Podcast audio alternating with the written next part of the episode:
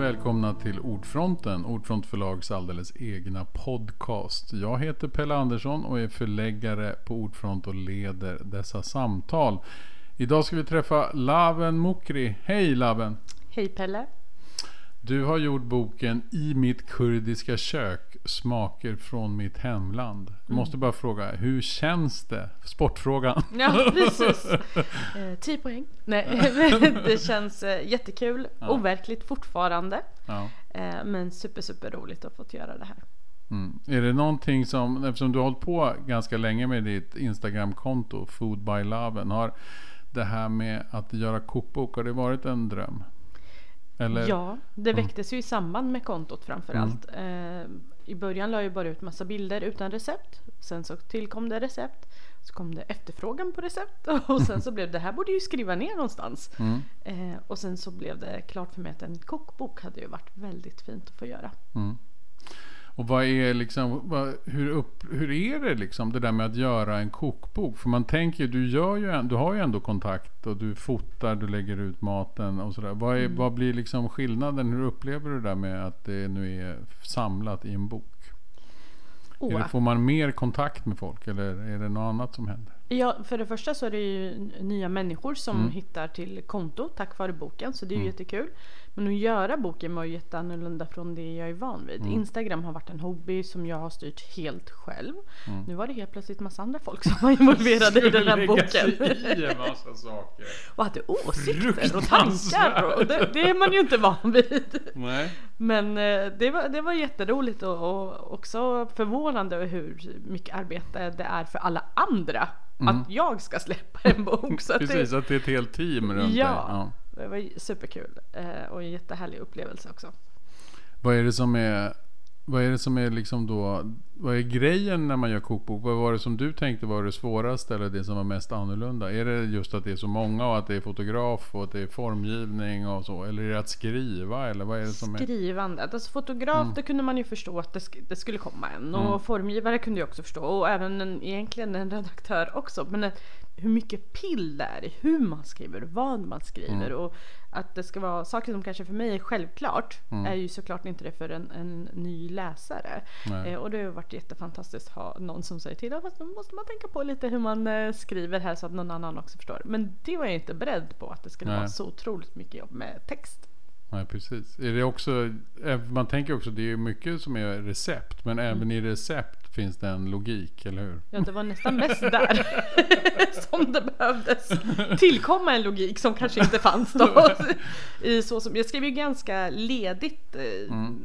vad säger man, kanske lite mer talspråksspråk på mitt Mm. Instagramkonto. Mm. Eh, och sen är det någon som har en fråga så lägger de en kommentar och så svarar jag på den så är det inte så mycket Ja just med det, man kommunicerar ju då hela Precis, tiden. man har direktkontakt med läsaren. Mm. Eh, Men så här så är, har man ju inte det. Jag har ingen aning om vem som läser recepten. Så Nej.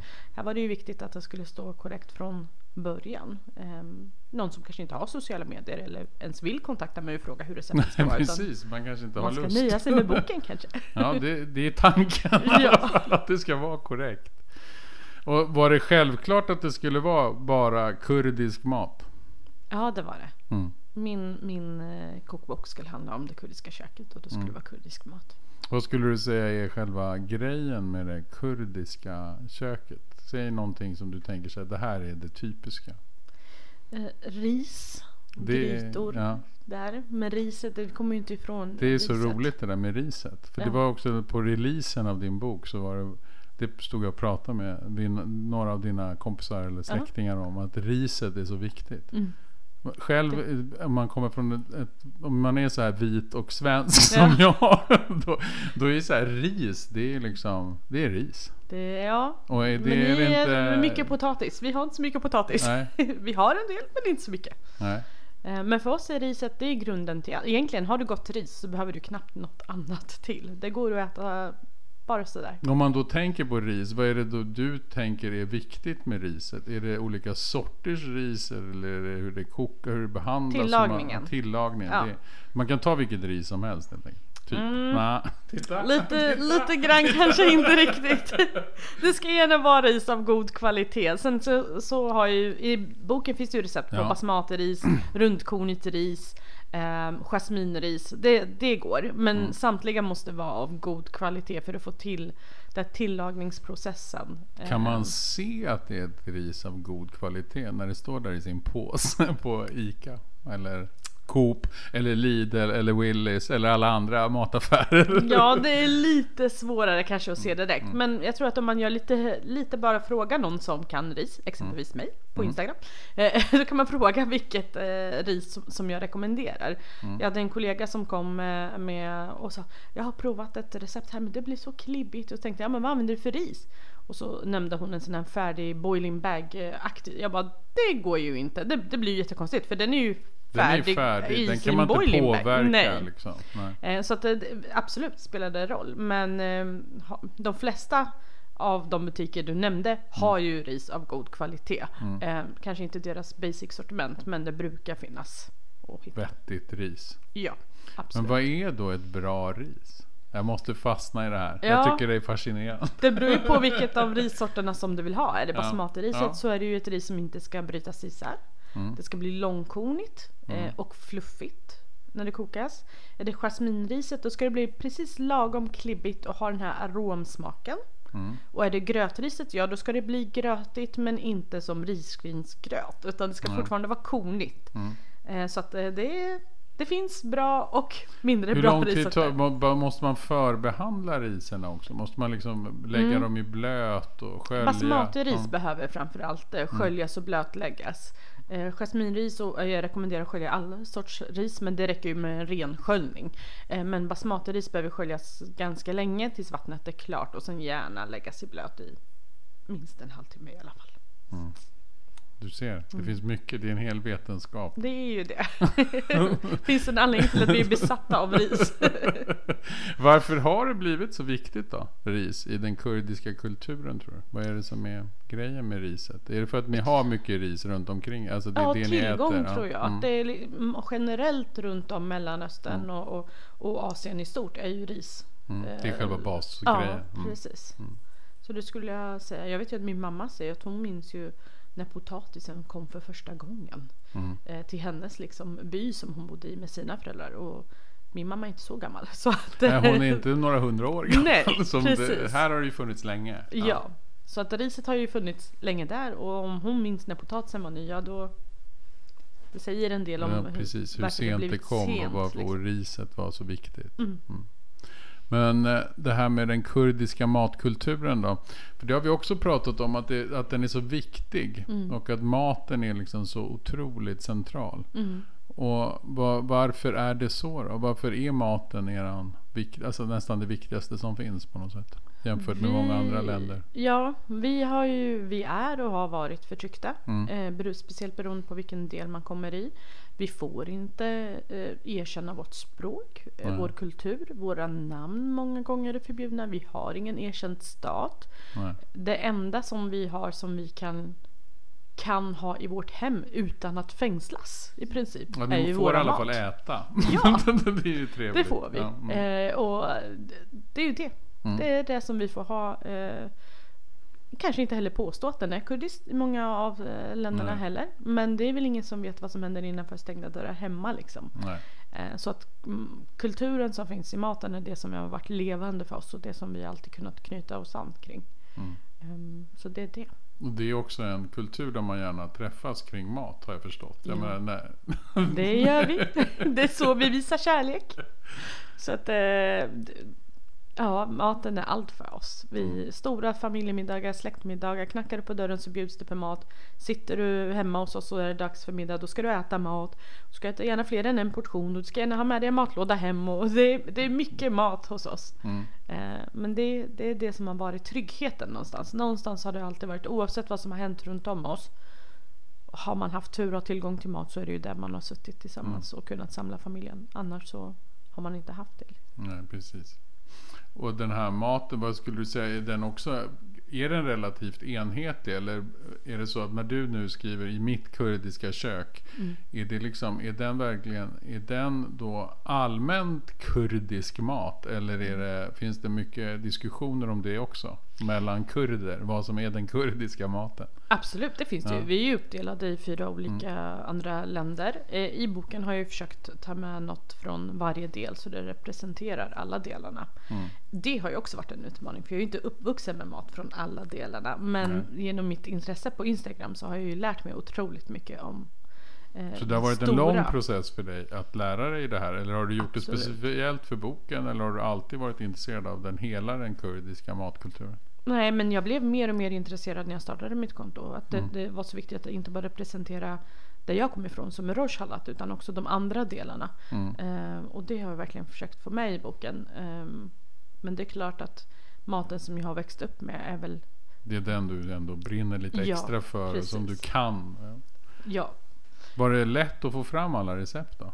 För det har jag också hört rykten om att det var alltså att mycket av maten finns i någons huvud. Eller Ja. receptet finns i huvudet på någon. precis så. Det Ja. finns ju inga nedskrivna recept på det här sättet. Eller jag, jag kan inte säga att det inte finns några alls, det finns det säkert. Men eh, generellt så finns det inte. Vi har inte en, en kultur där du går hem till någon och det står en kokbok med färdiga recept och så, så lär du dig från den. Eh, det har ju bara gått i huvudet från generation till generation och tills det hamnade i min bok i princip. Så att eh, eh, det har jag. Mm. För har det är varit, ganska eh, unikt, eller hur? Att ha en kurdisk kokbok. Det är inte Det är så det. många kurdiska kokböcker ute där på marknaden. Nej, det är det inte. Eh, och det är väl det som har gjort den här väldigt, väldigt speciellt, inte bara för mig men också för eh, folk, kurdiska folket runt om mig som har, Mm. som har sagt att wow, Äntligen Ja. finns det. Och äntligen kan man föra vidare traditionen också. precis. Mm. För det var väl också det, det var väl viktigt att få med dina äldre släktingars recept. Här. Mm. Mammas, mormors, eh, framförallt eh, med inspiration från alla runt om såklart. Eh, Mm. Jag har ju varit på x antal middagar hos kurdiska släktingar så det är klart att inspirationen Du har finns. hittat något gott där Jag också. har gjort det. Men det har ju varit superviktigt för mig att få det nedskrivet. och ehm, för mig själv och den generationen som är som mig, som är här, som inte har fått uppleva maten i hemlandet och, och, Mm. och kanske inte heller har familjemedlemmar som har skrivit ner något. Men också för kommande generationer. Att Mm. det finns något att gå tillbaka till. För det är ändå, ja, det kan ju bli glapp helt enkelt. Det, blir finns det ju. Vi kommer ju många- längre och längre ifrån. Mm. Eh, mina föräldrar har minnen från hemlandet. Det har inte jag. Jag var så pass liten när jag kom Mm. hit. Min son kommer ju garanterat inte ha det. Nej. Han är ju född här och hans barn i sin tur kommer ju vara ännu längre ifrån det här. Så att genom Det boken blir mer och så... mer potatis. Det blir mer och mer potatis. Men det är bra, när man flyttar så brukar vi komma med en liten fem kilos eh, säck ris som inflyttningspresent. Så att jag hoppas att det Så där det inte också får leva kvar. bort. Ja, får lägga till boken i den där presenten nu så man vet Precis. vad man ska göra med riset.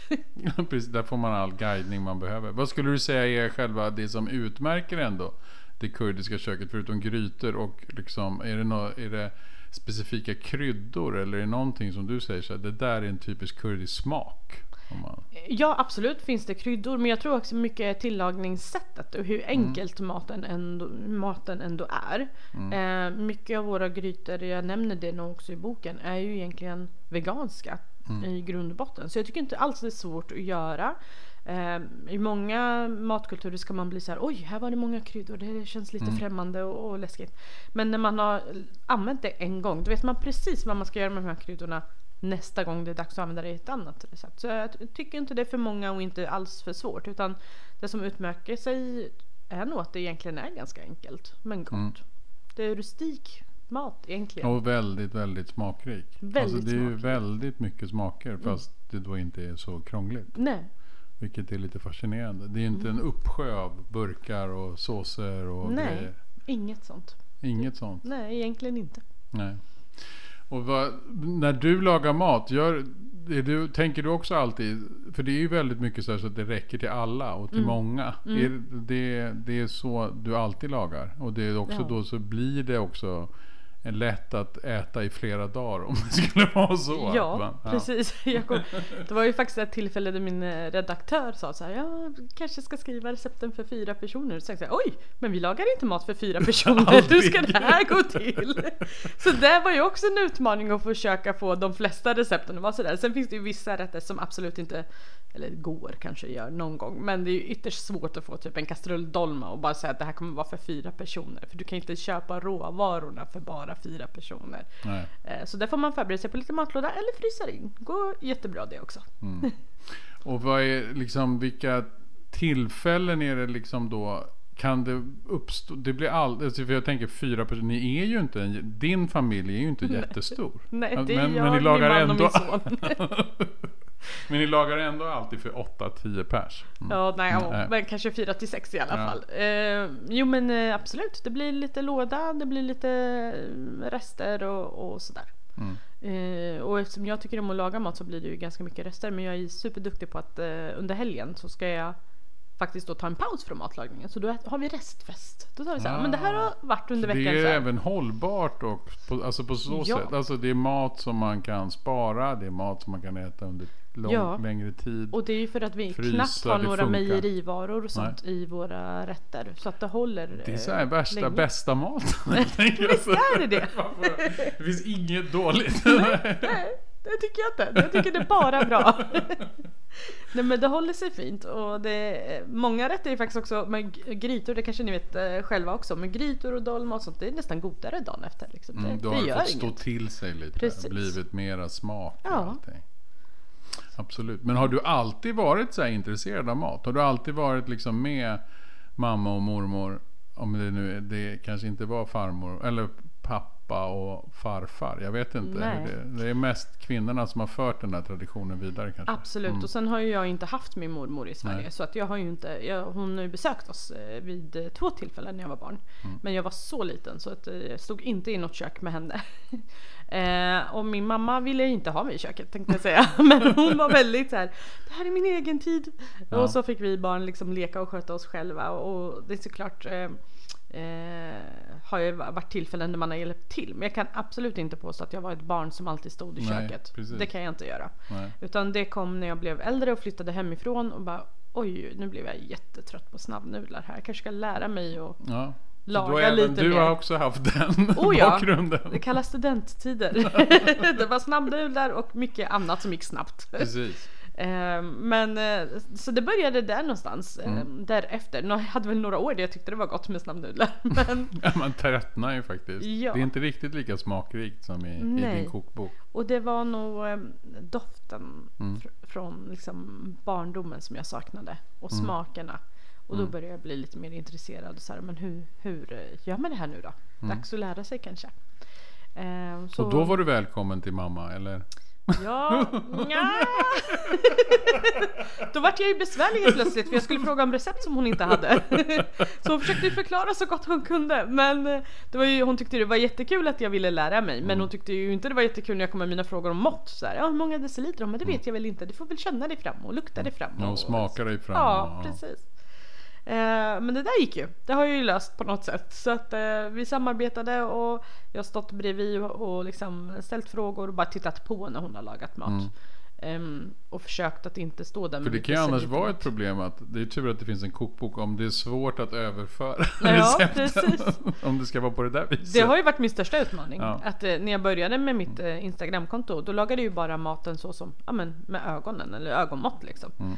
Eh, och sen när folk började fråga efter recept jag bara, ah, måste jag ju laga om det här? Och sen så måste jag ju Ja. Mm. börja ta fram mina mått för att jag har ingen aning. Det är klart att jag kan gissa mig till att ah, men det där var nog en halv deciliter.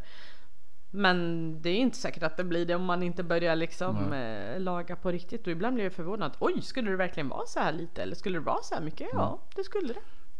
Så det, det, det, det är den stora grejen, att få fram recepten. Ja, Mm.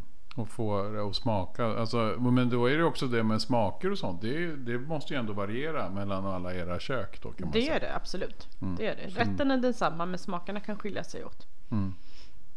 Och vad skulle du säga är när man äter en kurdisk middag, är det alltid den här, alltså även efterrätter och bröd, alltså ni har ju så, Mm. det, det ska vara allt eller måste, kan man ägna sig åt bara en, en enkel gryta och en, Det kan man absolut Ja. göra. Mm. Eh, du kommer nog aldrig bli bjuden på bara en gry- gryta. det är lite tråkigt. Det, det blir du inte. Utan inte- då det är blir, dukas det upp buffé. Men det är ju inte så att jag gör eh, liksom sju rätters buffé hemma hos mig varje kväll. Utan jag Nej. nöjer mig med att göra en rätt. Mm. Eh, men eh, blir du bortbjuden då får du räkna med fler än en rätt. Mm. Och när, För det är också så här, är det olika maträtter vid olika tillfällen, olika högtider och olika årstider och sådär. För jag menar, i Sverige så är det ju så lustigt. Vi äter ju alltid sill och prinskorv och köttbullar oavsett högtid. Jo, jag har märkt det. jo, men det är väl klart att vi också har. Så vi har ju... Några standardrätter Ja, kanske som är precis. festliga rätter. Ja, och precis. vad är det då? Eh, men det är ju också så här, dolma är ju en sån här rätt som vi äter vid, vid kalas, vid fest, vid högtid. Framförallt Det är en väl- köttbulle helt enkelt. Nej, man ska säga. precis. Skulle man eller kunna sill. säga. Ja. Och det är ju för att det är enkel plockmat också. Mm. Eh, Så har man många som man bjuder över då är det väldigt enkelt att, att göra en stor kastrull av det här och, och servera lite som plock. Men sen har vi också vissa grytor. Vi har våran aprikosgryta som kallas för liksom nästan gryta som tidigare högtidsgryta. Eh, och då spelar det egentligen nästan ingen roll vilken högtid det är utan den, den brukar serveras. Sen ser det lite olika ut beroende på vilken region man kommer ifrån. Men där är lite festligare rätter. Men jag är ju också en sån, men jag kan ju göra en kastrull dolma och ta med mig till stranden en dag. För jag tycker att det är bra picknickmat utan att det är en högtid. Utan det är en varm sommardag i Sverige. Och då, då krävs det dolma. Så att det, det, det kan Det vara kanske lite, alltid krävs. det kanske alltid krävs, ja precis. Så att det är lite olika. Jag skulle inte vilja påstå så här. Du kan inte gå hem till någon. Eller du går inte hem till en kurdisk familj och kan gissa dig fram till vad det skulle finnas för högtidsmat om du blir bjuden. Utan visst på ett ungefär, det kommer finnas ris och gryta och något mer. Men du kan inte säga, jag vet att det inte kommer vara sill. Nej, det Och det, inte. det förväntar man sig liksom nej, någonstans. Det är inte julskinka på jul Nej, liksom. nej. nej. Eh, Så du blir nog inte besviken. Nej. Men- Men vad skulle du säga är, vi, ja, vi har ju precis passerat en stor högtid. Mm. Nu ska vi se om jag kan uttrycka, uttala den då. Mm. Norosh. Nej. Nowros. Nowros. Nowros. Du ser, det blev fel i alla fall. Ja, det är ingen fara. Det, det finns många sätt att uttala det på. Men Nowros är så Mm. Är som det vi den största Säga. högtiden då? Skulle man säga. Det skulle jag vilja påstå. Ja, det är det kurdiska nyåret. Mm. Eh, Det infaller den 21 mars för oss. Eh, och den, det här är ju ett nyår som eh, firas av många andra folkgrupper. En del utav det firar vi också, det vill säga själva vårdagsjämningen. Mm. Eh, Det här delar vi med de andra folkgrupperna men en annan del utav det är ju myten om, om eh, ja, det finns en mytologi om Kawa som var en kille som besegrade en kurdisk man då som besegrade och räddade sitt folk från ett odjur eh, som fanns. Eh, så att eh, den biten också att det var första steget i liksom att bekämpa våra fiender i den kurdiska historien. Mm. Någon slags Eh. befrielse i det eller? Ja, mm. och det eh, infall också den 21 mars då. Så för oss så betyder det så mycket mer än vårdagsjämning. Vi firar även att det här är liksom kanske var steget, första gången i alla fall som vi hörde om någon som kämpade för sitt folk på det sättet. Vad är det mer du känner? Alltså vad gör man då på, på den högtiden? Eftersom jag inte klarar av att säga. Nevros vill jag säga hela tiden. Så. Nauros. Mm. Eh, nej men man äter mat såklart. Eh, man dansar, vi sätter på oss folkdräkter, vi har roligt, man målar ägg. Ja, som på Eh, påsken? Ja, vi har Ja. ganska mycket likheter med påsken. Det finns även eh, ja, men, eh, vissa blommor och sånt som påminner om det. Och, ehm, ja, har väldigt trevligt. Mm. Man samlar hela familjen. Ja. Och ehm, i Kurdistan så vet jag att många går ut på utflykt och Mm. firar Nowroz. Alltså man sätter sig med så stora eh, jag vill säga picknickfilt men det är ju inte, faktiskt inte en picknickfilt här hos oss utan en matta Mm. som man rullar ut och sätter sig på den här mattan och sen så tar man säkert med sig dolma och så, så firar man högtiden ute Mm. och, och eh, med alla människor runt om sig. Så då. hade du en bra högtid i år? Var det trevligt? Eh, Lagade ni mat ur kokboken? Det gjorde jag. Det gjorde jag. Det var jättetrevligt. Eh, och det blev eh, både gryta och ris och allt däremellan. Eh, samlades med lite släkt och vänner. Vad härligt. Mm. Och när de här, den här matlagningen, när ni Drar du nu in då dina barn i matlag eller ditt Mm. barn i matlagningen så att den här traditionen också ska gå vidare på ett mer kanske naturligt sätt än att han måste läsa kokboken? Absolut, det gör jag. Jag tror att där skiljer sig eh, jag och mamma lite grann. Hon var ju så här, ja, jag ska ha det, jag vill stå i köket och, och sådär. Men där är jag väldigt mån om att min son ska komma och se och lära Mm. sig. Eh, och han är ju jätteintresserad av mat och tycker det är jättekul. Eh, och älskar också kurdisk mat. Så det har ju blivit ja, det är roligt att ha någon att dela det här med helt enkelt hemma. För min man är ju inte så intresserad utav det här. han äter gärna kanske? Han äter gärna. Eh, men eh, han är, ja, nej, han, han är inte så matlagningsintresserad. Så det är jättekul att min son är det. Ja, det är perfekt. Mm. Och vad, när du tänker så att du ska göra fler kokböcker, vad, mm. vad vill du laga då? Är det liksom, kan man fördjupa sig väldigt långt in i det kurdiska köket? Finns det, är det här bara, skulle du säga att det här är en liten början på att presentera det kurdiska köket? Eller är det här en ganska bra bild av det kurdiska köket? Eh, jag skulle påstå att det är en mm. ganska bra bild mm. av det kurdiska köket. Men alltså vill man fördjupa sig så går det alltid att göra det såklart. Mm. Det är en väldigt lång historia. Vi har en väldigt rik matkultur. Mm. Jag skulle kunna göra en bok om bara risrätter. Det finns gott om. det mm. finns, jag I mitt göra... kurdiska riskök. I mitt, ja precis. Välja ut bara grytor eller och så vidare. Mm. Så det är klart att det går att fördjupa sig. Men har du den här så har du nu grunden. Eh, också som jag brukar säga till folk så här, var, det är bara att prova. Sen kommer du förstå. Det är inte, det är liksom, du Nej, man kan kunna... utveckla det själv ja, också. Man precis. kan ha kokboken som en inspiration och så ja. kan man göra lite sina egna varianter. Ja. För det är väl det du och dina familjemedlemmar gör också. Eller Exakt släktingar och så. Alla Exakt. har sitt eget. Så det är bara att sätta igång helt enkelt. Ja, precis. Ja. Men har du tänkt att du vill göra fler kokböcker? För det vill ju gärna vi på förlaget förstås. Ja, det vill jag jättegärna. Ja, eh, ja absolut. Mm. Jag skulle gärna vilja fortsätta skriva kokböcker. Mm. Eh. Är det roligare att göra kokböcker än, än att lägga ut maten och kommunicera på Instagram? Är det, oh. Eller är det två helt olika saker? Det är två De är lika helt roliga olika men, saker. men olika. Jag tycker, nu har jag bara skrivit då den här första kokboken. Det, det öppnar en helt ny värld och en ny känsla för hur det är att skriva bok. Jätteroligt. Eh, men på sociala medier skulle vi inte påstå att det är själva recepten i sig som är det roliga. Men det är ju att kunna kommunicera med mm. alla som lagar recepten. Den biten saknar jag lite från kokboken. Sen har jag haft några som har kontaktat mig och bara hej jag har köpt din bok och jag har provat det här. Det är mm. otroligt kul att se roligare än Instagram då för då har man ju faktiskt aktivt valt att köpa en bok med mina recept så det är mm. jätteroligt. Eh, men interaktionerna man har med följarna på sociala medier det är ju eh, otroligt kul. Och det blir ju bara mer och mer då ja. förhoppningsvis. Att när folk läser boken och vill mm. göra mer saker. Härligt! Jag tror att vi har pratat färdigt. Ah. Det, tiden går ju så fort när man jättefort. sitter här. Ja. Ja, men säg bara ett recept då. Är det dolma? Är det det man ska börja med? Eller vad tycker du att man ska liksom börja med om man nu vill testa det här? Vad skulle du säga är det bästa Jag skulle inte receptet? börja med dolma. Det är lite pilligt och tar lite tid. Eh, helt klart värt det. Men vill du börja så börja med att lära dig omkokt ris och en valfri gryta. Då har du en hel kurdisk måltid som är fantastiskt god. Underbart. Toppen avslutning på våra samtal. Tack så hemskt mycket Laven för att du kom hit till Ordfronten och ville prata lite med mig. Ja, men om tack själv för att jag fick komma hit. Kurdiska köket. Och tack så hemskt mycket för att du har gjort den här fantastiska kokboken. Ja, men tack för att jag fick göra den med er. Jag är super, super stolt och jätteglad över det. Vi också. Mm. Tack så hemskt mycket och tack alla ni som har lyssnat så återkommer vi med nya avsnitt av Ordfronten så småningom. Hej och tack!